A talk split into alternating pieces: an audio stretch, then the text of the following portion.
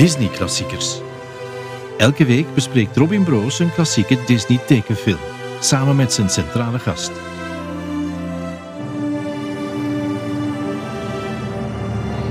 Welkom in de elfde aflevering van Disney Klassiekers. Vandaag is mijn centrale gast Astrid Stokman, sopraan, bijna slimste mens geweest en vaste pianist van het afgelopen seizoen van Vive le Velo op 1. Welkom Astrid. Hela Robin, dank je voor de introductie. De hamvraag blijft wel, ben je een Disney-fan? Ja, absoluut. Ja? In hart en nieren. Ja, ja. Ehm, ik weet nog dat ik als kind zot was van Disney, maar uh, bijvoorbeeld Aladdin, daar was ik van geobsedeerd. Maar ik kon die enkel één keer in de cinema zien, want uh, bij ons thuis kwamen enkel zo de... Ik weet niet of je dat nog weet, maar dat waren zo VHS'jes en dat waren rip-offs van de Aldi. Zo Aladdin van de Aldi, letterlijk, hè. Oei. Niet om te lachen. Ja, dus ik had dan zo'n... Een, een Aladdin in een andere tekenstijl met andere stemmen en overduidelijk gedubt in super Hollands. En dat trok op geen hol. En ik kon die geest zien, ik kon die toffe geest zien die die liedjes zong en zo. Maar ik moest het daarmee doen, helaas. En waarom? Waarom deden je ouders dat? Ik denk dat dat, dat, dat gewoon goedkoper was dan die Disney-cassettes. En ik wou ook Ja. eigenlijk... Wat, ik- wat ik wel had, waren de singalongs. Dat kwam wel binnen. Oh, ja, ja, ja. de singalong-cassettes, man, dat was verslavend. Komt daar de, de passie voor zingen van misschien? Goh, niet per se, maar dat heeft het wel in de hand gewerkt, denk ik. En op het einde van die singalongs, of in het begin, was er altijd een reclamestukje voor Disneyland Parijs. De sterren stralen je toe in de magische wereld van Euro Disney. Een waar carnaval van kleuren en klanken. Het Euro Disney Resort Parijs. En dat was echt mijn droom, maar dat is ook nooit gebeurd als kind. Dat was ook veel te duur. Maar eh, daarna, eh, als volwassene, heb ik wel mijn schade ingehaald met vriendinnen. Ja? Ja, ik heb één vriendin, wij verjaren heel dicht op één. En we gaan bijna, ik ga niet zeggen elk jaar, maar om de twee jaar gaan we echt wel naar Disney World. Eh, Disneyland, sorry, niet Disney World. Naar Disneyland in Parijs. En dan is dat echt voor twee dagen. En met de tiara's op de kop. En het ontbijtbuffet met foto's met de Disney-figuren. Dan hebben we echt wel de beste film uitgekozen, want we gaan Ja. het vandaag hebben over Sleeping Beauty. Ja. En Sleeping Beauty is in Disneyland Parijs vereeuwigd in ja, het kasteel. hè. Ja. Het centerpiece van het park. Dat is het eerste dat je ziet als je toekomt, dat kasteel. En dat is effectief het kasteel van, van Doornroosje dan. En boven heb je dan zo de glas in loodramen, hè, waar je de, de belangrijkste scènes in ziet. Maar ik moet ook toegeven, eh, ik heb die al heel veel gezien, die glas in loodramen, maar ik had de film dus tot vorige week nog nooit gezien van Doornroosje. Wat? Nee, Hoe, kwam, hoe komt dat? ik weet Die is nooit niet. in een Aldi-versie uitgebracht. Ja, waarschijnlijk. En ik was te jong. Ik denk dat die in 59 is uitgekomen. Toen bestond ik nog niet. Dus ik heb die nooit in de cinema gezien of zo. Nee, nee, dat is waar. En dat is een van de weinige Disney-films die men niet om de zoveel tijd opnieuw heeft uitgebracht in de cinema, omdat hij het Ah. niet goed heeft gedaan toen die uitkwam. Maar misschien is het daarom dat ik die nooit gezien heb. Want eigenlijk, de, de grote klassiekers heb ik allemaal gezien. Maar Doornroosje, ik viel echt uit de lucht. Van, ah ja, oei, ik heb dat eigenlijk nooit gezien. Misschien moet ik voor wie hem ook nooit gezien heeft even kort samenvatten waar de film juist over gaat. Dus eh Doornroosje speelt zich af in een koninkrijk ergens in de 14e eeuw. En na heel veel jaren proberen zijn eh, koning Stefan en zijn vrouw er eindelijk in geslaagd om zwanger te worden en is de troonopvolging verzekerd. Want Aurora, hun dochtertje, die wordt meteen uitgehuwelijkt aan Philippe, de zoon van eh, koning Hugo Prins van een naburig land. ja, Prins Philippe, dat vond Ja. ik fantastisch. Ja. Eh, Ze houden meteen een groot doopfeest. En wie is daar ook aanwezig? Dat zijn drie goede feeën: Flora, Fauna en Merryweather. En die geven haar, ehm, ja, eigenlijk, ze willen haar drie gaven geven. Dat zijn schoonheid en prachtig zingen. Een beetje zoals jij, Astrid. Oh my, dat is te veel eer. En dan komt er onverwacht een slechte fee binnen, Ja. Maleficent, eh, die voorkomt dat er een derde wens wordt uitgesproken. Eh, zij spreekt een vloek uit over Aurora omdat ze niet uitgenodigd was. En eh, volgens haar vloek gaat Aurora sterven op haar zestiende verjaardag wanneer ze zich prikt aan de spoel van een spinnenwiel. En de derde goede fee kan die vloek nog een klein beetje opheven door ja, die eigenlijk een beetje te veranderen, om te zetten naar een eeuwig slapen. Mhm. En die, dat eeuwig slapen kan eh, ja, eigenlijk eh, teniet gedaan worden door een echte liefdeskus. True Love's Kiss. Ja, Dat is wel ambitieus, hè? ja absoluut, absoluut. Maar ja, goed, eigenlijk heb ik nu... Dit zijn nog maar de eerste vijf minuten van de film en tegelijk heb ik ermee alles gezegd. Ja, eigenlijk wel, ja. De film komt heel traag op gang, vind ik. Ja, en ook als ik daar even vooruit mag kijken, ik vond ook op het moment dat ik dacht, oh, nu gaat het gebeuren, nu gaan we de actie krijgen, dan zag ik aan mijn balkje dat het nog vijf minuten was. Ik dacht, huh? Dus, dus ook als je denkt van, nu gaan we echt het vuurwerk uit de kast zien komen, dan is die eigenlijk al bijna gedaan, die film. Fantastisch. Maar als je hem nu kijkt met Ja. de ogen van een volwassen vrouw, Mhm. ehm, zou je hem als kind graag gezien hebben, denk je? Ik denk het wel, maar ik kan me voorstellen, zoals wat jij zegt, dat ik wel een beetje zou afhaken in de opbouw. Die is zo wel wat weinig dynamisch of zo. Ehm, ja, bij Aladdin bijvoorbeeld, ja, sorry, ik ga altijd over Aladdin terug. Ik was daardoor geobsedeerd, hè, maar daar gebeurt veel. En er is heel veel muziek en heel veel personages en, en, en effectief ook heel veel dynamiek. Maar, maar Doornroosje is, is echt een heel, ja, een veel klassieker sprookje. Daar komt ook die, die kwade fee binnen. En je weet niet waarom is ze kwaad. Ja, jij zegt ze was niet uitgenodigd. Dat kan inderdaad de reden zijn. Maar dan zo'n overreactie van een baby dood te wensen. Eh, dus het is allemaal zo'n beetje... Wie is dat? Van waar komt zij? Eh, waarom is zij zo angry? En, en, en dat wordt nooit zo echt, echt uitgewerkt, precies. Als ook dan... Ja, ik, ik, ik, ik ga misschien een beetje vooruitlopen weer op alles, maar... Dus de, de oplossing van die feeën om, om die baby te beschermen, is van die mee te nemen naar het bos. En daar eigenlijk in afzondering haar met drie op te voeden tot ze 16 is. En dan gaan ze ze terugbrengen naar het kasteel. Hè, zodat Maleficent de baby niet vindt. Maar dan denk ik van, oké, maar dan kruipen die met vier vrouwen in quarantaine. Dat is zo'n interessant element. Dat kan van alles mislopen. Vier vrouwen bij elkaar. Plus allez, drie en een puber. En daar zit je dus niks van. Hè, van heel die, allez, die intriges die zich zouden kunnen afspelen daar. Wat stel je je daar dan bij voor? Maar drie vrouwen alleen al, dat gaat niet, hè. Dag en nacht, dat, dat marcheert dat niet. Plus, dat zijn feeën, maar die beslissen op dat moment dat ze hun identiteit als fee gaan afleggen en echt menselijk gaan worden. Dus geen magie. Dus eigenlijk alles wat ze gekend hebben, dat vervalt. En dan moeten ze het met hun drie doen. Drie oude tantes eigenlijk. En dan moeten die een kind opvoeden dat niet van hen is. Dat ook door die puberteit struggelt, dat nooit iemand mag zien, dat echt afgeschermd moet blijven. Ik denk dat dat, dat, dat op zich al een film waard is, eigenlijk. En dan toch, wanneer er dan eh, nieuwe films van komen, dan hebben ze besloten om volledig in te zoomen op die Maleficent en waarom is zij zo slecht. En eigenlijk is dit veel interessanter. Nou, of interessant, Wat dat, weet ik niet, maar wel een gemiste kans, denk ik.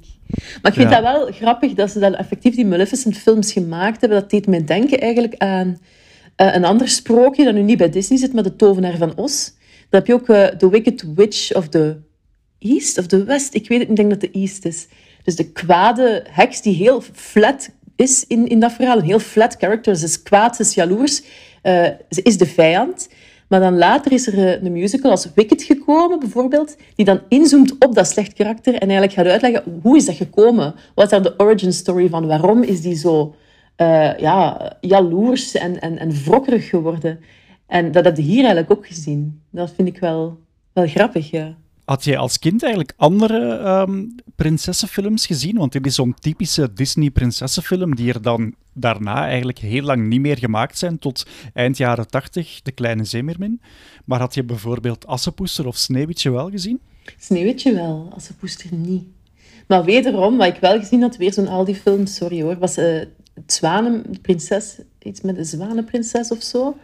De zwanenprinses, een prinses die in een zwaan veranderd was en ook de, de ware liefde moest tegenkomen en dan werd hij weer mens. Dus basically hetzelfde verhaal, maar dan in een ander eh, eh, ja, vaatje eigenlijk. Maar Sneeuwwitje heb ik wel gezien. Dat vond ik een heel angstaanjagende film eigenlijk als kind. Ik vond die In heks echt vergelijking met... Ja, maar ja, maar die heks was ook echt... Allee, gewoon het idee dat iemand kon transformeren in iets anders. Dat je dat niet herkende en dat u eigenlijk dood wou. Dat vond ik echt... eh oh, nee.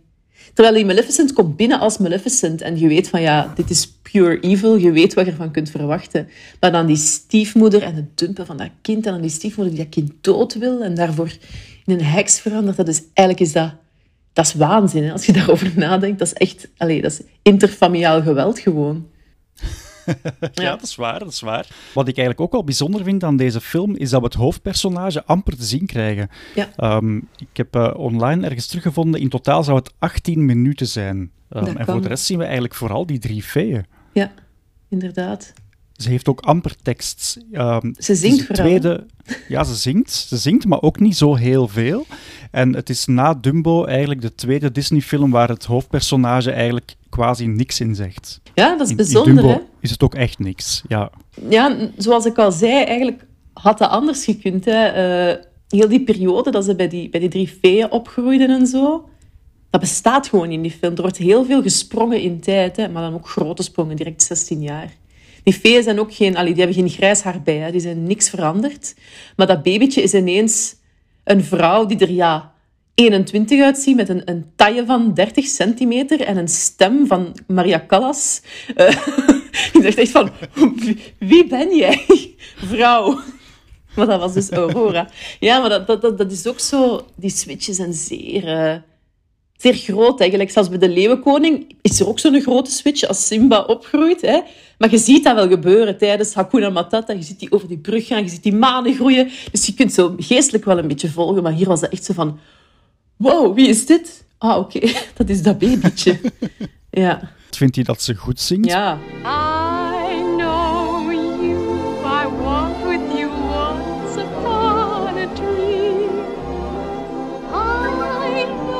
De muziek van die film heeft mij enorm geïntrigeerd, want ik heb eigenlijk vooral met muzikalo ook gekeken. Mhm. En um, effectief, want zij krijgt ook uh, the gift of song, dus de gave van het lied. Uh, en dan merk je in die 18 minuten dat ze er is, ze zingt fantastisch heel flexibel, heel elastisch. Ze zingt ook in de, volgens mij is dat de enige activiteit die ze uitvoert ook in het bos, in, in interactie met levende wezens. Ja, ze zingt en de vogels zingen na. En de vogels zijn haar beste vrienden. Eigenlijk is dat heel sad, hè? Mm De enige contact dat ze eigenlijk al heeft gehad is met die vogels, door haar zingen. Want dat is een, een kwaliteit die zij ook hebben. En, en daardoor zijn dat zo haar enige vrienden. Maar in muzikaal was dat een heel interessante film om te kijken. Je hoort zo echt in die oude garde van, van Disney-films, waar er nog heel veel op de score werd ingezet. Ja, wel blijkbaar, enfin, zo lees ik het toch, in, in, in zowel biografieën als in, als in naslagwerken van Disney to Cour, zou het gebaseerd zijn op het ballet van Tchaikovsky. Dat zou dan toch ook de wens geweest zijn van Disney. Het moet vooral daarbij aanleunen. Herken je dat daarin? Ik wist dat dus niet, want ik heb, allez, ik heb heel veel klassieke muziek al gehoord in mijn leven, maar zo de balletmuziek van Tchaikovsky, dat is uh, ja, mij wat minder bekend. Omdat dat echt puur orkestrale werk is. Dus ik heb dat ballet nooit gehoord. Maar ik moet wel zeggen um, dat dat mij ook niet verbaast als ik daar naar luister.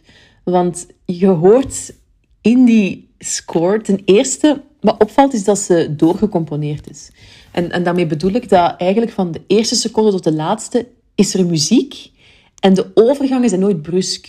Als in, het is echt één, lang, één lange song eigenlijk van een uur en een kwart dat die componist geschreven heeft.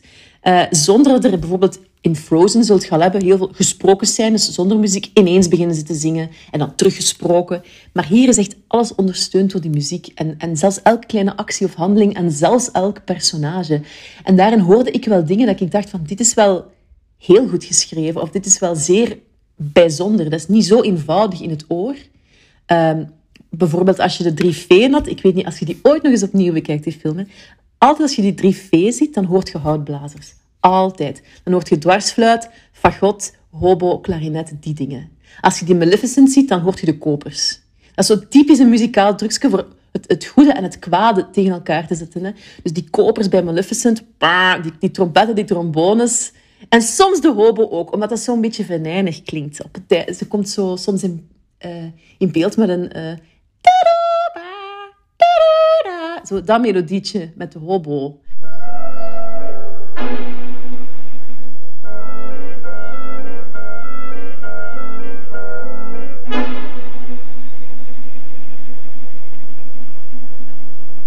Dat is kenmerkend aan haar. Dus die melodie hangt vast aan haar. Die komt heel veel terug als je haar ziet verschijnen.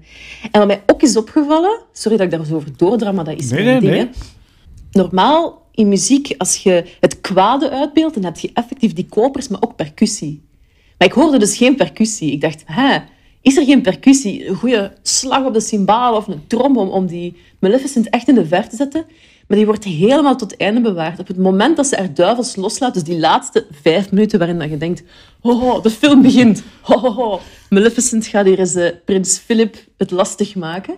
Dus ze verandert in een draak en ze maakt een doornbos. En dan, op het moment dat ze echt kwaad wordt, dan komt die percussie daar helemaal op het einde bij. Dat vond ik wel slim gezien. Ja, sorry, ik kan daar, ik kan daar uren over doorbomen over muziek. Dat is... Nee, tuurlijk. Eigenlijk, eigenlijk heb je nu ook heel kort uitgelegd wat het principe van leitmotiefs is in film of in opera. Dat ik eigenlijk. ook op, Want- ja, ik heb dus notas ja. gemaakt de tweede keer dat ik keek. En ik heb opgeschreven leitmotief Wagner. Dat is heel... Leitmotief is eigenlijk iets dat, dat Wagner heel hard gebruikte. Die heeft heel veel lange en ingewikkelde operas geschreven over Germaanse mythologie en Noorse mythologie. Eh, ja, en, en, en wat hij daarin deed met al die personages, was ze effectief een melodie geven. Je ziet dat ook in ehm, Peter en de Wolf, bijvoorbeeld, van Prokofjev heb je dat ook. Hè. Dat is meer voor kinderen dan, maar bijvoorbeeld de kat is dan, denk ik, klarinet en het vogeltje is een dwarsfluit. Is altijd dezelfde melodie. En dat heb je eigenlijk in deze film ook. Maar ook soms subtieler. Bijvoorbeeld op het moment dat de Aurora in het bos rondloopt en ze is met de vogeltjes bezig. Prins Philip hoort daar op dat moment. Hè. Dus, dus hij, hij hoort iets. En je hebt zo in, in, de, in de beeldvorming zo een afwisseling tussen Aurora en Philip. Die hij dan begint te zoeken en dan terug zij die aan het zingen is.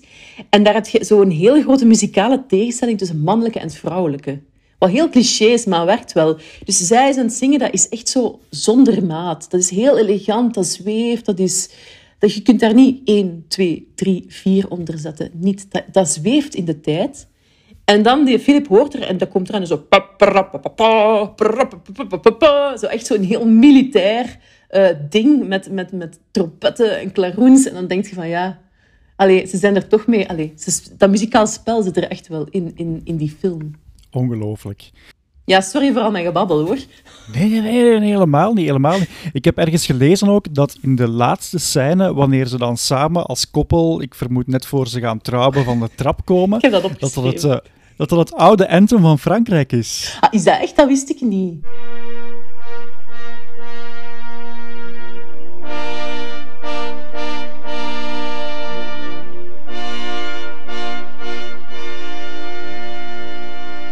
Wat is de symboliek daarachter? Wel, de film speelt zich zogezegd af in de 14e eeuw. De allerbeste grap, vind ik, uit heel de film is wanneer eh, die, die koning Hugo zegt van ja, het is uiteindelijk toch de 14e eeuw al, hè, om aan te geven Ja, van, op- ik vind dat Ja, mijn zoon moet kunnen trouwen met... Ja, effectief. After all, Stefan, this is the 14th century. Yes, you uh, you said that a moment ago. Ja, maar, maar mij was opgevallen op het einde. Ik had dat niet door, want ik ken die melodie niet van het oude Franse volkslied. Maar op het moment dat ze dan dansen, dan heb je eigenlijk een beetje wat ik daar straks zei, van zo dat vloeiende, dat elegante en dat militaire, dat mannelijke en dat vrouwelijke, dat komt dan echt in één, muzikaal. Je hebt dan zo dat... komt er dan zo tussen. En dat wordt dan zo één geheel. Dat is eigenlijk wel grappig. En eigenlijk, met het, het geheel wat je nu vertelt over die muziek, verklaart misschien ook wel dit. Dit moet een van de eerste films geweest zijn waar de volledige soundtrack van uitgebracht is. Daarvoor bestonden er al wel soundtrackplaten, maar dat was dan vaak puur de liedjes of Ah, ja. opnieuw ingespeelde stukken. Maar hier gaat het echt over de instrumentale muziek zonder stem, gewoon Echt? van A tot Z zoals het opgenomen is voor de film. Amai, dat wist ik niet. Ja, het is ook wel een, een rijke partituur. Ik denk dat die componist er wel een half jaar werk aan zal gehad hebben. Ze. Ja, Zeker. George Bruns is de naam. Ehm, dat was zijn eerste Disney-film. Hij heeft er daarna nog verschillende gedaan. En hij wou ehm, de, de soundtrack eigenlijk opnemen in Los Angeles in stereo. Maar toen hij hoorde dat er in Berlijn op dat moment een, een studio was die op zes sporen in stereo konden Ah. opnemen, heeft hij alles naar daar verhuisd, heeft hij een Duits orkest gevraagd en hebben ze het daar opgenomen. Maar het is wel een huzarenstukje. Dus ik kan me voorstellen dat die meneer Burns, of is Bruns? Bruns. Bruns, Ja, George sorry, Bruns, sorry ja. Mr. Burns. Eh, dat die, Mr. dat die Burns, eigenlijk... excellent. Ja, echt. eh, Bruns, sorry, dat is eh honest mistake. Ik denk dat die inderdaad vertrokken is uit de partituur dan van Tchaikovsky, als ik me niet vergis. Ehm, en ook gaan kijken is van, wat zit hierin van materiaal, van welk personage klinkt hoe en hoe kan ik dat gaan gebruiken. Maar dat is tegelijkertijd dan ook weer ja, vermengd met zo die echte romantische oude film koormuziek. Hè. Er zit enorm veel koorwerk in. Moeilijk, hè? Ik heb daarna zitten luisteren. Die bovenste stemmen, dat is echt... Daarvoor moet je echt kunnen zingen, hoor, om dat te doen. Dus dat is echt zo... Allee, voor mij is dat ook... Ik, dat, ik vind dat heel nostalgisch. Ik, ik heb hier ook zoveel LP's liggen uit dat tijdperk, uit de jaren 50, 60. Omdat je toen... Ook de crooners en zo, die hadden allemaal allee, die, die hun begeleidingsband was veel orkestraler, veel uitgebreider. Ook echt met die koortjes op de achtergrond die daar echt uh, alle, allee, alle hoeken van de tessiture lieten zien. Fantastisch. Dus uh, op dat vlak vond ik het wel geslaagd. Uh, puur muzikaal. Ja. Je hebt het nu over de koorstukken aan het begin, waar ja. ze de nieuwe prinses bezingen, maar ook wanneer ze in slaap valt en, Ja. en bij gevolg ook iedereen in slaap valt. Ja, die stukken. En ook gemerkt in het begin dat dat koor... ehm, dus het verhaal wordt verteld door de vertelstem. En soms nemen zij het over met een woord en dan zingen ze dat woord vier, vijf keer. Dat is heel grappig. Eh, en wat mij ook opviel, het, het wordt ook ingezet bij die cadeaus die de baby krijgt, bij die wensen. Ehm, altijd als, als een fee zegt, ik geef je de, de, het geschenk van de schoonheid, dan komt daar een heel koorstuk over de schoonheid. Wauw, prachtig. Maar wat mij wel is opgevallen, en misschien is dat omdat ik zo geeky ben, eh, ik heb daar niks over teruggevonden, maar ik denk dat dat niet per, per toeval is. Als zij de gift of song krijgt, dus eigenlijk ehm, het geschenk van de muziek, eh, zij krijgt dat van die fee en dan is er een overgang met enkel een harp naar dat koorstuk. Tiny princess, my gift shall be the gift of song.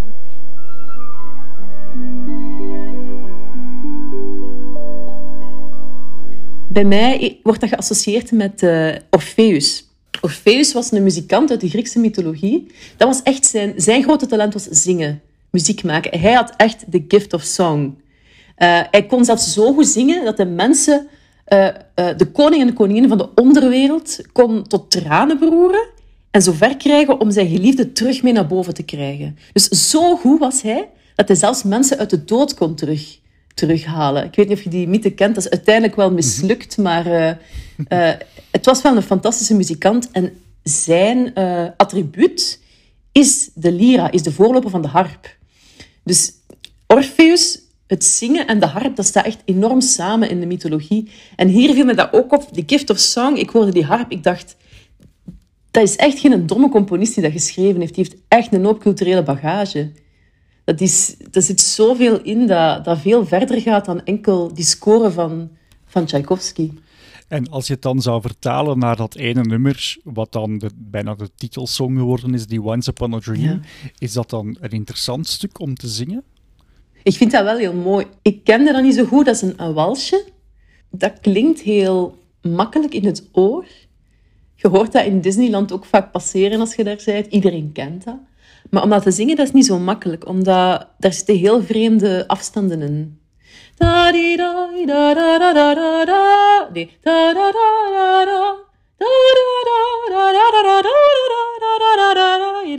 Er zitten heel veel vreemde wendingsjes in. En het zit een beetje in, in uh, de traditie van de jazz bijna zelfs, vind ik. En daarom ook dat het zo... Het klinkt heel simpel, maar eigenlijk is het heel moeilijk om uit te voeren. En de tweede stem daarin, want de man neemt het dan op een bepaald moment, de, uh, Prins Philip neemt het op een bepaald moment over. Dat klonk voor mij dan weer wat simpeler, maar misschien weet ik het gewoon niet. Dat kan gewoon aan de stemkleuren liggen, hoor. Maar, maar ik ben aan het denken... Ja, dat is ook zo. Het einde is Ja. ook iets simpeler. Het is vooral zo die aanzet die heel... Ja, die zo wat, wat bochtjes maakt en kringsjes maakt. En je moet echt wel goed weten waar je naartoe gaat op dat moment als je dat zingt. Ja. Omdat zij natuurlijk moet kunnen schitteren. Hè. Zij is degene met Ja. de gift of song. Dat is ook heel duidelijk. Ik, ik vraag me wel af hoe het dat... Allee, in dat sprookje, welke relevantie... Of allee, welk doel dat dat heeft van haar de gift of song te geven. Ook schoonheid. Ik dacht ook... Allee, de eerste keer dat ik keek naar die film, een week geleden dus... Ik hoorde drie geschenken. En ik dacht, wow, dat gaat zeker gezondheid zijn of rijkdom. Zo echt iets typisch, hè. Maar dan kwam schoonheid en, en het lied. En ik dacht, hé? Allee, ja, goed hè, tof, maar schoonheid is zo superficial. En The Gift of Song, dat is heel leuk, maar ik denk niet in de 14e eeuw als prinses dat je daar je beroep van kon maken of zo. Dus ik weet niet goed wat hun bezield heeft om, om, om net die twee wensen uit te spreken. Ik vraag me dan ook af wat de oorspronkelijke derde wens was eigenlijk. Moest Maleficent niet ertussen gekomen zijn? Ja, jawel, jawel. Um, her gift was going to be happiness. Echt dat waar? stond op de DVD-commentaar. Um, toen de film opnieuw, allee, voor het eerst uitgebracht is op DVD, heeft iemand dat in de, in de commentaar gereveeld dat het happiness ik ging zijn. Maar dat vind ik wel een goed geschenk. Geluk. Ik vind dat zot dat ze dat dan is misgelopen. Van alles wat ze kon krijgen als baby, is geluk haar eigenlijk afgepakt door die vloek van Maleficent. Nu, in het originele sprookje waren er ook zeven feeën, die waarschijnlijk allemaal een eigen geschenk Ja, hadden. en ik keek daar straks, sorry dat ik je van breek, ik keek daar straks heel even naar een vertelling van het ballet van Tchaikovsky en daar waren zelfs dertien feeën. Oeh. Ja, ik dacht, wat een drommen. Eh, dus ik, ik, ik weet niet, misschien zijn er nog versies waarin het er 125 feeën zijn. Er zijn in elk geval meer feeën in het origineel, ja. En als je daar dan 16 jaar mee moet samenleven. Oh, dat is niet goed. Nee, Nee. dat is niet goed. Nee. Waar ik het eigenlijk ook even over wil hebben, is dat het een heel ander soort van tekenfilm was dan we gewoon waren van, van, eh, van Disney. Ehm, hij moet blijkbaar in een van de eerste pitches tegen zijn animatoren gezegd hebben: Ik wil dat het er een beetje uitziet zoals de wandtapijten die ik ken uit de musea, bijvoorbeeld in de Metropolitan Museum in New York. Daar hangt zo dat, dat bekende eh, wandtapijt met die eenhoorns uit de middeleeuwen. Ja. Dat moest de sfeer worden, blijkbaar. Nou, dat, dat ziet je inderdaad wel. Dat zo, eh, die wandtapijten zijn ook heel middeleeuws. hè. En je ziet dat de, de decor waarop dingen zich afspelen niet bewegen vaak. Hè. Dus, dus als eh, koning Hugo, denk ik dat hij heet, de, de, de bolle eh, buurkoning van, van Stefan, op een bepaald moment te weten komt dat zijn, zijn, zijn zoon verliefd is geworden op een boerenmeisje, gaat hij, gaat hij uitgeput op de trap zitten. Hij beweegt en alle mensen in de achtergrond zijn vlak en staan stil. Dus je hebt effectief inderdaad dat... eh, en dat is in alles, hè. ook in dat huisje van, van, van die vier vrouwen dan, dat er niks beweegt, alles is stil. Ja, dat viel mij ook op, inderdaad. Dat heeft er veel mee te maken. Dit boek heet Awaking Beauty en is eigenlijk een soort van eh, naslagwerk van Ivan Earl. Dat is een man die toen aan de slag was bij de Disney Studios. En je ziet eigenlijk op de tekening al het kasteel en zo die, die, die vierkante boompjes. Die Ja, boompjes die gesnoeid zijn in de vorm van vierkanten, zoals in Disneyland Parijs trouwens ook gedaan is aan het kasteel. Ja, die bomen zijn vierkant gesnoeid.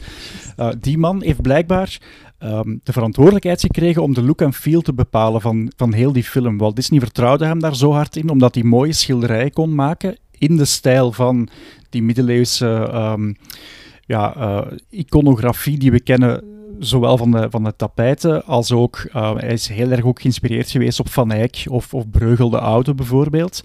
Maar wat de animatoren dan weer niet zo tof vonden, dat die man net aan, aan hun hoofd kwam staan, is dat die, dat die schilderijen vaak zo lang duurden om te maken. Zeven keer zo lang als een gewoon decor dat zij voor hun vorige films Echt? maakten, dat alles ook veel langer duurde. En dat verklaart een beetje wat je zegt, inderdaad, die, die decors blijven stilstaan. Ja. Mensen in de achtergrond bewegen amper. Omdat het gewoon ja, echt schilderijen waren die, die zo gefilmd zijn. Ja, het heeft wel iets. Maar je moet, inderdaad, het valt wel op als je naar kijkt. Je hebt niet direct door wat het is. Dat zo anders is. Maar ik wist helemaal niet dat dat de eerste film was die zo werkte. Maar daarna waarschijnlijk niks meer. En meteen ook de laatste. Want Ja, wel, ik, ik, dacht Ja. het wel. Ja. ze hebben eh, negen jaar aan deze film gewerkt. Wat, eh, Negen jaar.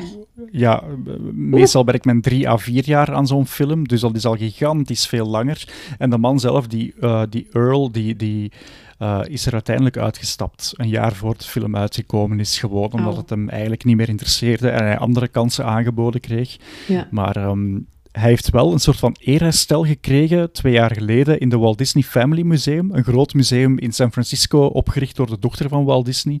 En daar heeft die Earl een, een eigen retrospectieve gekregen, waar niet alleen zijn Sleeping Beauty werk in staat, maar ook ja, alles wat hij de rest van zijn carrière gemaakt heeft. Dus schilderijen in de, in de stijl van de decors van deze film. Fantastisch.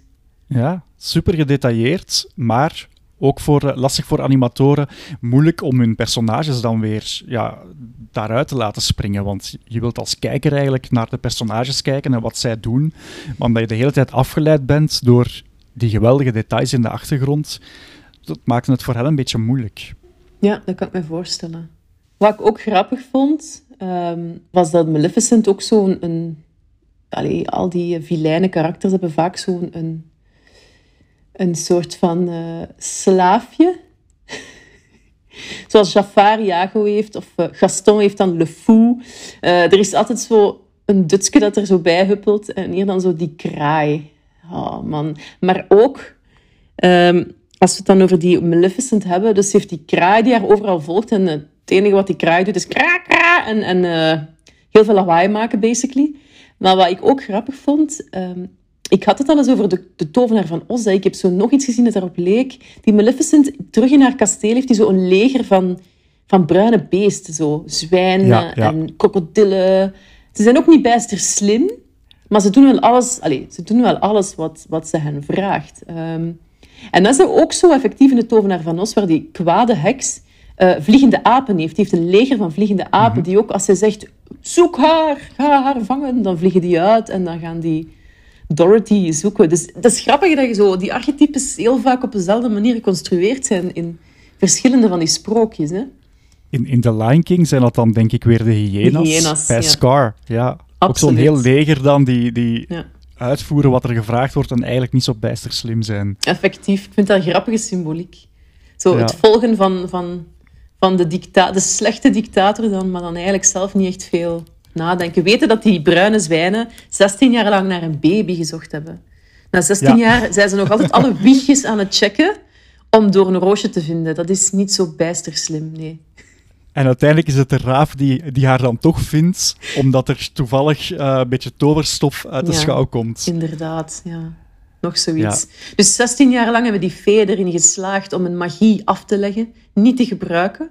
Maar dan op het moment dat ze de 16e verjaardag van Doorn Roosje willen vieren, hè, ze kunnen geen taart bakken blijkbaar. Dat is nooit gelukt zonder magie, dus die taart dat trekt op niks.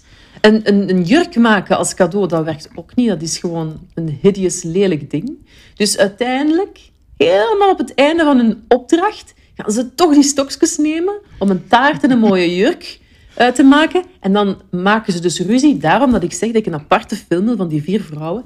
Ineens maken ze ruzie over die jurk. Die moet blauw zijn. Nee, die moet, die moet, die moet roze zijn. Nee, die moet blauw zijn. Dus twee van die feeën beginnen tegen elkaar op magie te doen.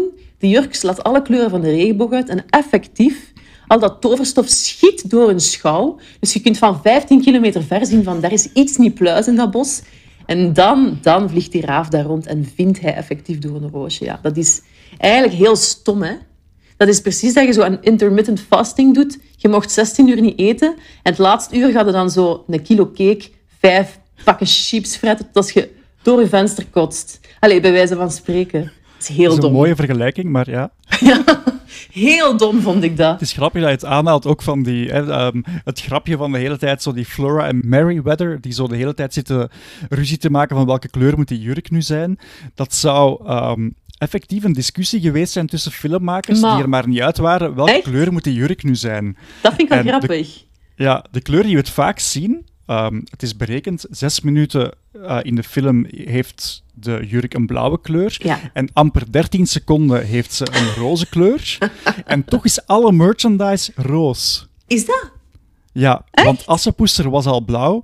En als je dan twee prinsessenpoppen zou verkopen met dezelfde Oh. kleur jurk, dan Amai. zou je kunnen zeggen dat het ongeveer dezelfde prinses is. En daarom wordt Door een Roosje in de markt gezet als een roze prinses, terwijl dat ze die 13 seconden maar draagt, die jurk. Zo zie je maar dat zo artistieke keuzes en commerciële keuzes niet eh, dezelfde zijn, desnoods. Hè. Ik vind dat wel straf. En eh, het figuur trouwens van eh, Princess Aurora, wanneer ze dan 16 is, zou Ja? gebaseerd zijn op ehm, ja, het, het lichaamstype van Audrey Hepburn. Ook groot, eh, eh, Heel lang, slank. mager. Maar dat klopt toch, Robin, dat in die tijd, eh, als ze animeerden, dat er ook echte acteurs bij betrokken waren. Hè? Ja, klopt. Dus dat er echte acteurs eigenlijk die scènes speelden en dat die animatoren daar echt zo de lichamen van aftekenden en de bewegingen en de gelaatsuitdrukkingen. Hè? De reference footage, waarbij men dan eigenlijk de scènes liet naspelen door een acteur, zodat men kon zien hoe zijn bewegingen juist. Ja, klopt. Fantastisch, hè? Allee, als je denkt, de jaren 50 waren dat. En dat was wel al mogelijk. Ik vind dat eigenlijk ongelooflijk. Dat is ook heel griezelig als je foto's zoekt van de, van de vrouw die Maleficent inspreekt, die de stem Ja. doet. Zij was ook het model voor, eh, voor dat personage. Die lijken griezelig hard op elkaar. Meent En je als je dan weet dat Maleficent eigenlijk ja, niet de moeders mooiste is, maar toch ook wel een soort van angst ehm, uitstraalt. Wel, Ja, dat is over- eigenlijk geen compliment voor nee, die vrouw. over hè. angst gesproken. De tweede keer was ik aan het kijken met mijn kat op mijn schoot. En op het moment dat Maleficent verscheen, was dat beest en weg. Het schrok zich echt een ongeluk. Nee, maar geen zever. En, en, en het was ook de eerste keer dat ik mijn kat echt zo zag kijken naar tv van... Wat is dit? En ineens in Maleficent verschenen met een of ander koperblazer en eh, de kat had het gehad. De kat was weg. Het treurige aan dat personage Maleficent, en dat hebben de, de animatoren ook achteraf daarover verteld, is dat zij eigenlijk nooit in interactie gaat met niemand behalve met die raaf. Dat is wel triestig. Maar in alle andere tekenfilms hebben de villains, de slechteriken, wel nog regelmatig een één op één met dan de protagonist of met een ander personage. Maar in dit geval zit hij eigenlijk alleen maar monologen af te steken. Ja, inderdaad. Want ik ging zeggen, er is wel een moment dat zij dus prins Philip in de kelder heeft vastgemaakt. En dan gaat ze naar hem. Maar dat is ook effectief geen gesprek. Philip spreekt niet meer. Zij schetst eigenlijk het beeld van... Hè, over honderd jaar ga je hier misschien vrijkomen. Dan gaat je een oude man zijn hè, met een lange baard op je paard dat bijna niet meer vooruit. En dan mocht je de prinses gaan kussen. Ik vond dat heel vrede scène eigenlijk. Als je, als je ziet wat daar gebeurt, dat hij echt zo'n doembeeld schetst, uh, waarin dat hij oud en afgetakeld is en, en dan nog naar een, een hele frisse minderjarige, laten we dat niet vergeten, prinses moet, moet met zijn knol. Uh, ja, ik vond dat wel een vrede slechterik. En ook, um, ik begreep haar niet zo goed in die film. Ik begreep niet waarom dat ze zoveel kwaadheid in zich droeg. Ik begreep niet waarom was ze niet uitgenodigd. Ja, omdat ze slecht is, waarschijnlijk. Maar dan valt ze daar ineens binnen. Um, waarom heeft ze het dan meteen op die baby gemunt? Mm uh, weet zij dat dat zo lang geduurd heeft, die kinderwens, voordat die uitkomt van dat koppel? Is er iets, dus, is er iets gebeurd met dat koppel? Allee, in die film van Disney kom je dat allemaal niet te weten. Je weet alleen als een slecht mens dat niemand wil, wil, wil kennen en die op een of andere berg woont tussen haar bruine zwijnen en, en kraaien. Ik vind dat zo weinig informatie om op af te gaan. Dat was dan uiteindelijk ook een van de vele kritieken die, er, eh, die door critici op dat moment in 1959 uh, geschreven werden. Namelijk dat het eigenlijk een dun verhaal is, dat je er weinig bij te weten komt. Mhm. En dat het, het, het duurt nogthans een, een, uur en twintig minuten, maar je komt weinig te weten over het, het hoe en waarom. Um, en als je dan weet dat men acht, negen jaar aan die film heeft gewerkt, dat het 6 miljoen dollar heeft gekost om te maken, wat Oeh. dubbel zo duur was als de drie vorige films die gemaakt zijn, en dat het dan maar 5,3 miljoen dollar heeft opgebracht, dus eigenlijk Oei, er is verlies. verlies gemaakt, dat verklaart een beetje waarom het geduurd heeft tot 1989 eer Disney terug prinsessenfilms heeft gemaakt. Welke films kwamen er voor Doornroosje? Uh, Lady and the Tramp, Peter Pan en Alice in Wonderland. Ja, oké. Dus ik was een beetje vergelijken van, van verhaalniveau, van narratief, maar die zijn inderdaad veel beter uitgewerkt. Peter Pan bijvoorbeeld, dat is, allee, dat is iets van een heel ander niveau. Hè. Um, dan snap ik wel... Het is, het is, de spoeling is, is dun hè, van het verhaal. Uh, er, er gebeurt heel weinig en er wordt soms lang stilgestaan bij dingen dat ik denk van... Dit hoeft niet zoveel uh, tijd, terwijl de dingen dat ik echt wou zien niet echt uitgewerkt waren, inderdaad. Ja. ja. Nu, wanneer die film dan uiteindelijk, hij is niet meer opnieuw in de bioscoop uitgebracht, of toch niet meteen, zoals de meeste Disney-films toen, toen wel opnieuw werden uitgebracht. Maar als hij voor het eerst op VHS verscheen, heeft hij eigenlijk alles goed gemaakt. En vandaag uh, kunnen we Sleeping Beauty nog altijd de tweede um, meest succesvolle film van het jaar 59 noemen, als we alle inkomsten optellen. En mm. dat is dan na Ben Hur. Dat was wel Dat is eigenlijk jaar. heel goed, hè? Ja. ja, maar ik vind het ook wel schoon ergens dat dan juist uitgerekend die film, die dan blijkbaar toch iets van een flop was voor Disney, dat die dan zo centraal staat in, in de parken. Dat dat echt zo het kasteel van Doornroosje... Dat is volgens mij ook het kasteel dat je altijd ziet aan het begin van elke film in ja, de generiek, hè? Klopt, klopt. Dus ik vind dat wel grappig. Dat heeft er dan weer mee te maken dat het originele Disneyland in 1955 is opengegaan. Ja. En dat Walt Disney het zag al een soort van levend Ja. reclamebord voor zijn volgende film, die dan vier jaar later pas zou uitkomen. Aanvankelijk zou het eh, het kasteel zijn van eh Sneeuwwitje. Mhm. Zo was het gemodelleerd, maar het leek hem een beter idee om vooruit te blikken en er reclame mee te maken. En dan ook in het kasteel eigenlijk alleen maar een soort van mini-tentoonstelling Ja. met schetsen over hoe die film er zou uitzien. Um, en dan de volgende kastelen bij de volgende parken zijn dan weer um, dat van Assepoester. Ja. Dus in uh, Orlando, in Disney World en in Tokio is het Assepoester.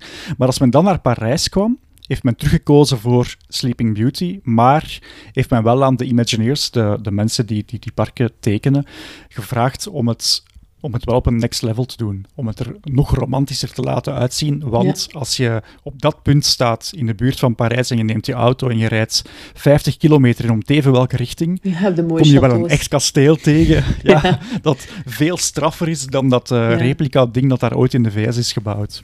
Dus dat maakt, denk ik, dat we dat wel mogen zeggen, dat er in Parijs het mooiste Disney-kasteel staat. Daar ben ik het wel mee eens. Ik heb de andere nooit gezien, maar ik zal ja zeggen. ik wil dat vooral, graag ja, geloven.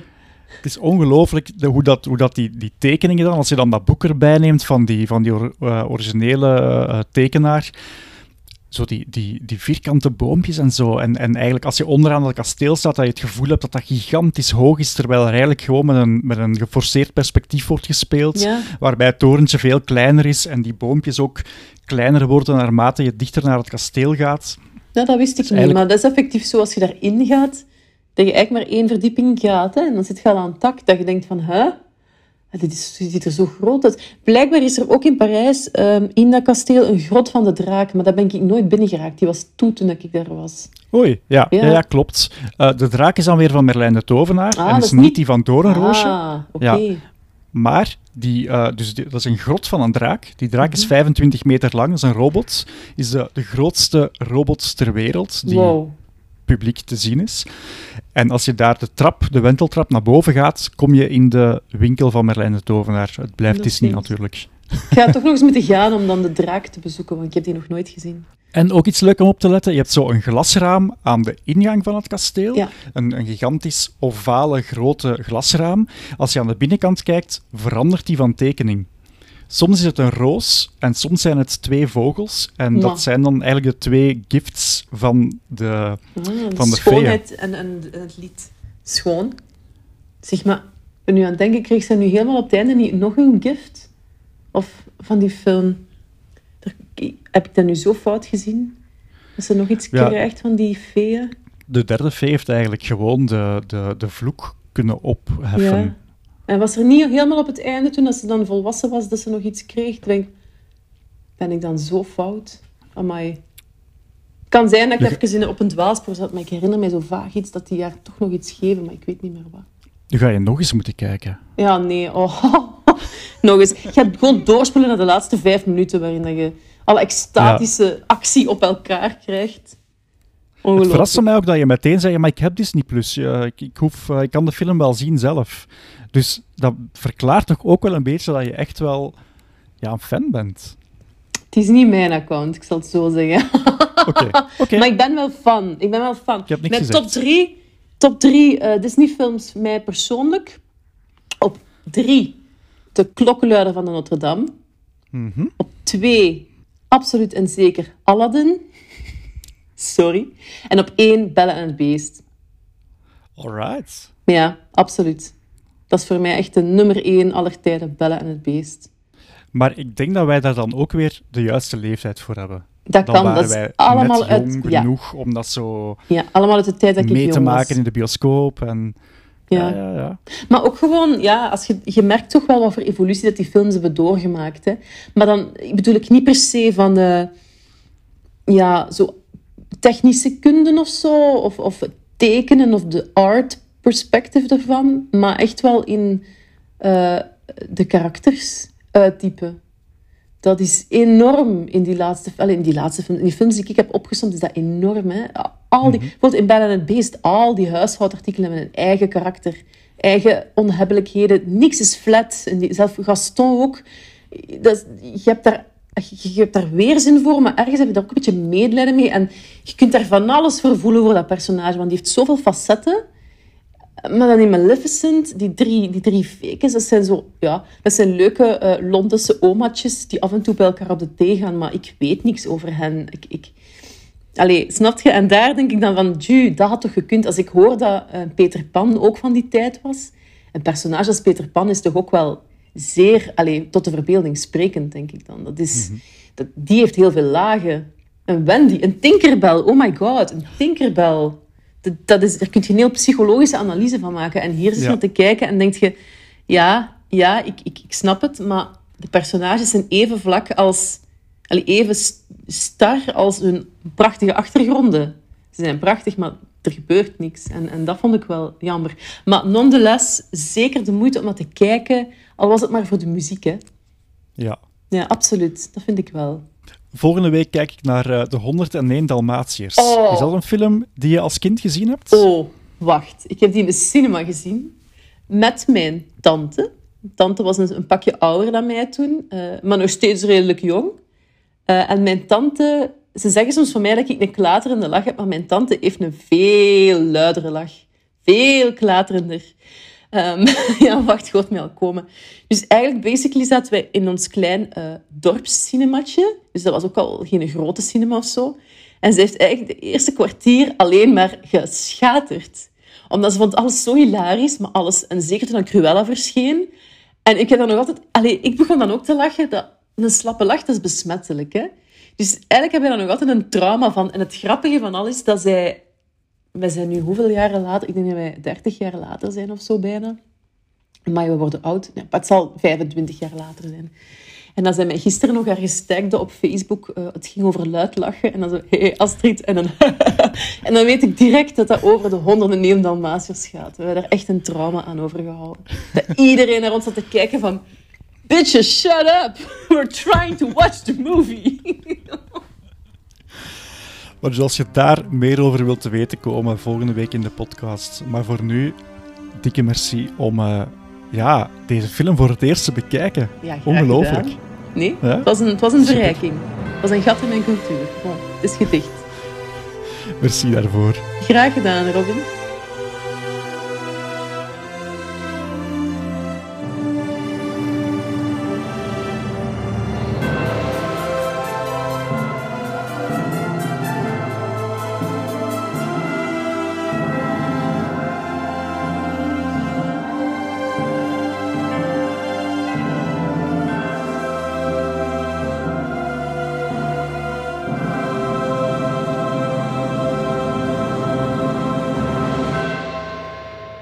Mail al je vragen of opmerkingen naar robin.robinbroos.be of post ze onder de hashtag Disneyklassiekers.